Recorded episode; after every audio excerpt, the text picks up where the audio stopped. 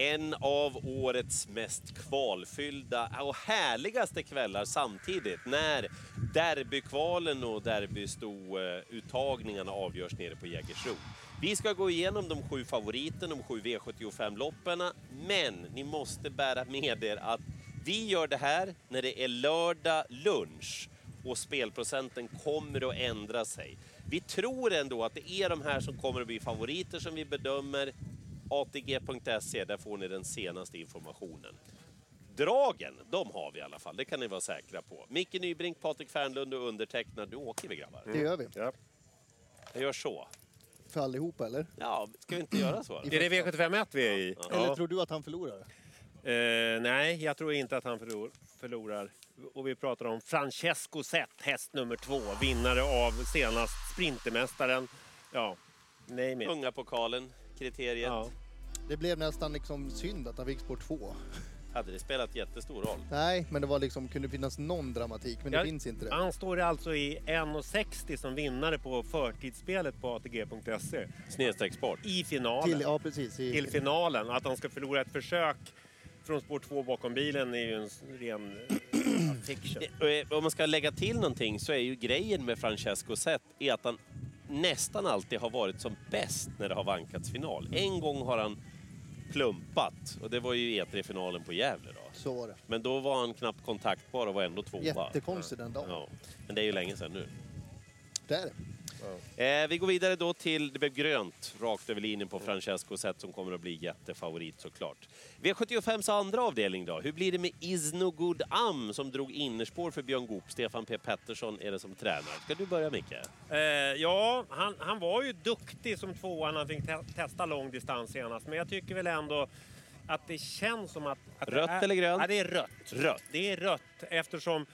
Ja, jag tror att distansen ligger honom i fatet. Han är, det här är ett fartmonster, men ingen, ingen given tang som dundrar runt och vinner, vinner. Även om det är så att det inte blir något lopp. Han ska kunna regleras också. Nej, min idé är nummer sju, Icarus Sisu, som Thomas Urberg har eh, siktat in mot derbyt sedan länge.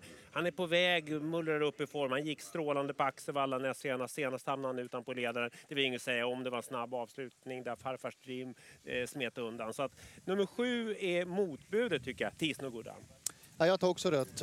Rätt solklart i en sån här omgång. Lång distans, han kanske inte hushåller med krafterna, det kan bli långt hem. Ikaros Sisu vill jag ha med. Declan nummer nio och så en jätteskräll. Beat Generation. Måste få till det snart på allvar. Det finns i den där hästen, så de, de vill jag betala för och även då Ikaros. Eh, om ni tittar på listan så tar jag också rött och jag gör det närmast då med tanke på informationen som Stefan P Pettersson har varit bjussig med. Vi måste lära hästen att springa i ryggar. Det är ju det de har sagt hela tiden. Varför måste man göra det? Jo, för annars brinner man kan inte bränna ljuset i båda ändarna. Så eller? de ska köra honom bakifrån nu? Det sa jag inte. Nej. Men det finns anledningar till att man vill lära om hästen. Och en- Vi har ju sett att han blir lite väl pigg ibland Ja, också. och det är så här. Stefan har en plan med den här, Stefan P Pettersson. Så att det är inte bergsäkert att det är bara rött direkt. Men, men han får ändå rött. Precis som ni har sagt, 7, 9, 10. Lägg till Grappa Boy där också. Kristoffer Eriksson är duktig på att liksom toppa till hästarna exakt rätt. Hästarna hemmaplan, kom ihåg vad positiv han var när han vann på V75 senast också. Bra läge ska man heller inte underskatta i en derbyuttagning. Kan bli ett rörigt lopp. Verkligen. Lite utdraget skulle det kunna bli också. Eh, V75s tredje avdelning, här kommer startlistan. Eh, och det är inte bara... Eh, vi kommer ju till derbystouttagningar också, men nu är det mer till derbyt här och Power Dock är den vi tror kommer att bli favorit. Patrik, rött eller grönt? Lite samma här med distansen. Jag tar rött och menar att han är väl en av flera. men Global Concept tycker jag är en topphäst med spår 1 och sen vägrar jag släppa Melby Ings nummer 12. Han måste ju bara få till det någon gång. Han har inte vunnit på år och dag känns det som. Men kanske kan det vara dags trots det där spåret. Ja, rött eller grönt? Ja, nej, men jag tror inte han blir så mycket spelad. Jag tror han blir knapp fa- Ja. favorit. Och det ska han nog vara med tanke på hur fin han var när han vann där i Ja, Rättvik. under Micke har förstått reglerna för vass Ja, för en gångs skull. Ja. Jag brukar alltid Nej, tycka men, då. Ja, om men det är en rätt spelad favorit, är han dunderfavorit eh, på tisdag, då ska han inte...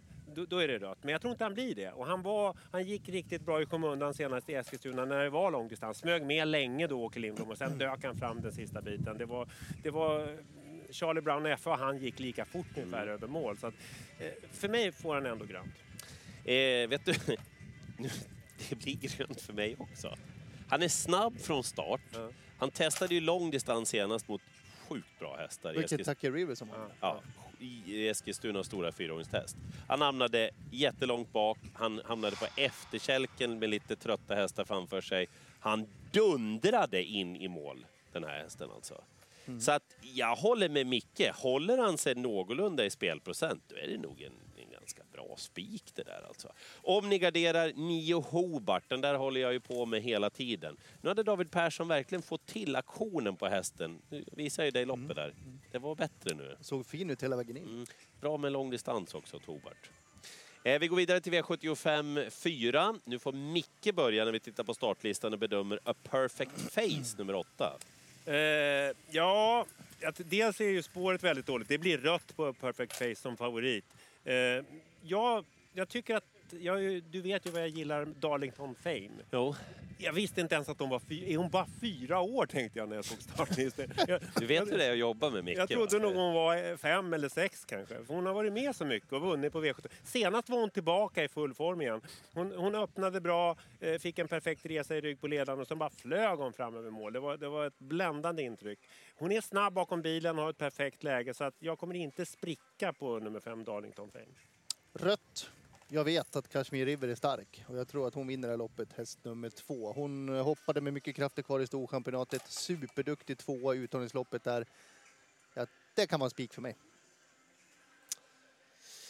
Jag får komma eh, till tals före dig nästa gång. Jaha. För det är ju detsamma. så att jag tror att när allting har samlat sig inför V75-avdelningen här, då är draget för de flesta Kashmir River. Borde ju vara det. Är inte säkert att hon är en jätterolig spik då. Men hon, hon borde ju vara en av dem som är ganska klar förhandsfavorit till slutsegern i Ja, det, tycker jag. Det tycker jag. Jag trodde hon skulle vinna Storchampionatet Ja. trots 11. Och det hade hon väl gjort kanske, nej, det, men med, med ett annat läge än vad hon hade. Ja. Eh, Okej, vi går till V75s eh, nästa avdelning. Här kommer startlistan. Ska du börja jag, nu då? Ska jag börja Ja, den här gången? bra det. Va? Det är väl bäst det. Så inte jag tar ditt drag. Programledaren brukar ju vara sist. eh, Eddie Bear nummer fem är favorit i loppet. Det blir så grönt det kan bli. Om den här Mm. håller sig under 40 procent, Mm. då är det bästa spiken i omgången. Eh, pratade med Stefan Persson efter senaste loppet. Alltså, han var så nöjd med Eddie Bear. Han sa Stefan att det är inte många hästar jag har kört som agerar på det där Nej. viset som han gjorde, Eddie Bear. Den accelerationen, farten över mållinjen, de hästar han mötte, vilken utvecklingskurva han har haft sen två tuffa lopp i Sprintermästaren. Kommer du ihåg när vi pratade om han efter Sprintermästaren? Och han är ju ännu bättre nu. Ja. Det känns som att han bara blir bättre och bättre. Så att jag, jag, säger, jag tänker så här, ja det är klart att det är uttalandet till svensk travderby.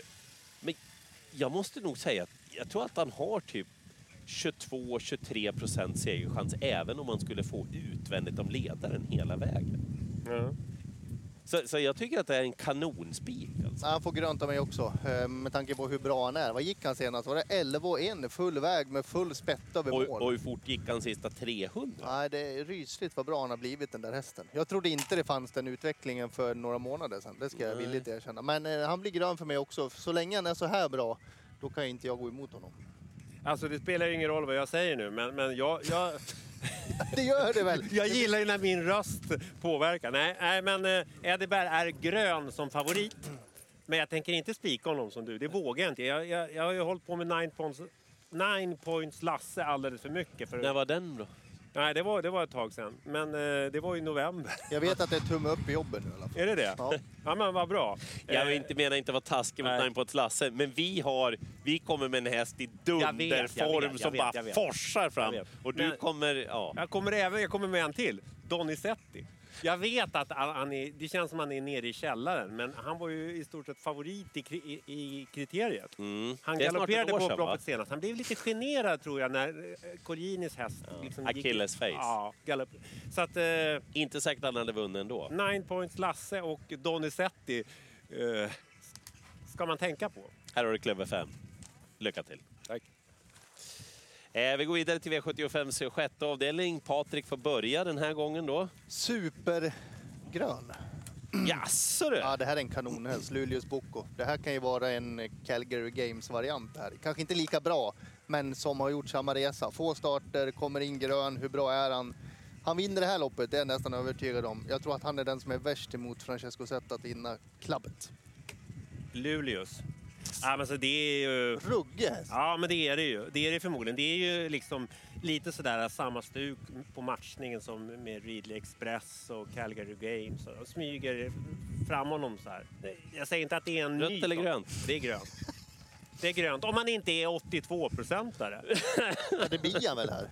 Okej, ja, då, då, ja, men jag säger ändå som det är nu. Jag, jag, jag gillar hästen så pass mycket så att det blir grönt. Jag, jag tror att han, att han vinner det här loppet. Som han såg ut i biken senast. Ja, okej. Amerikanska vagnen. Gisses alltså. Nej, men det var bra gjort att hålla undan för Cashkeeper. Ja. Och här i Örebro så han vann väl med längd eller?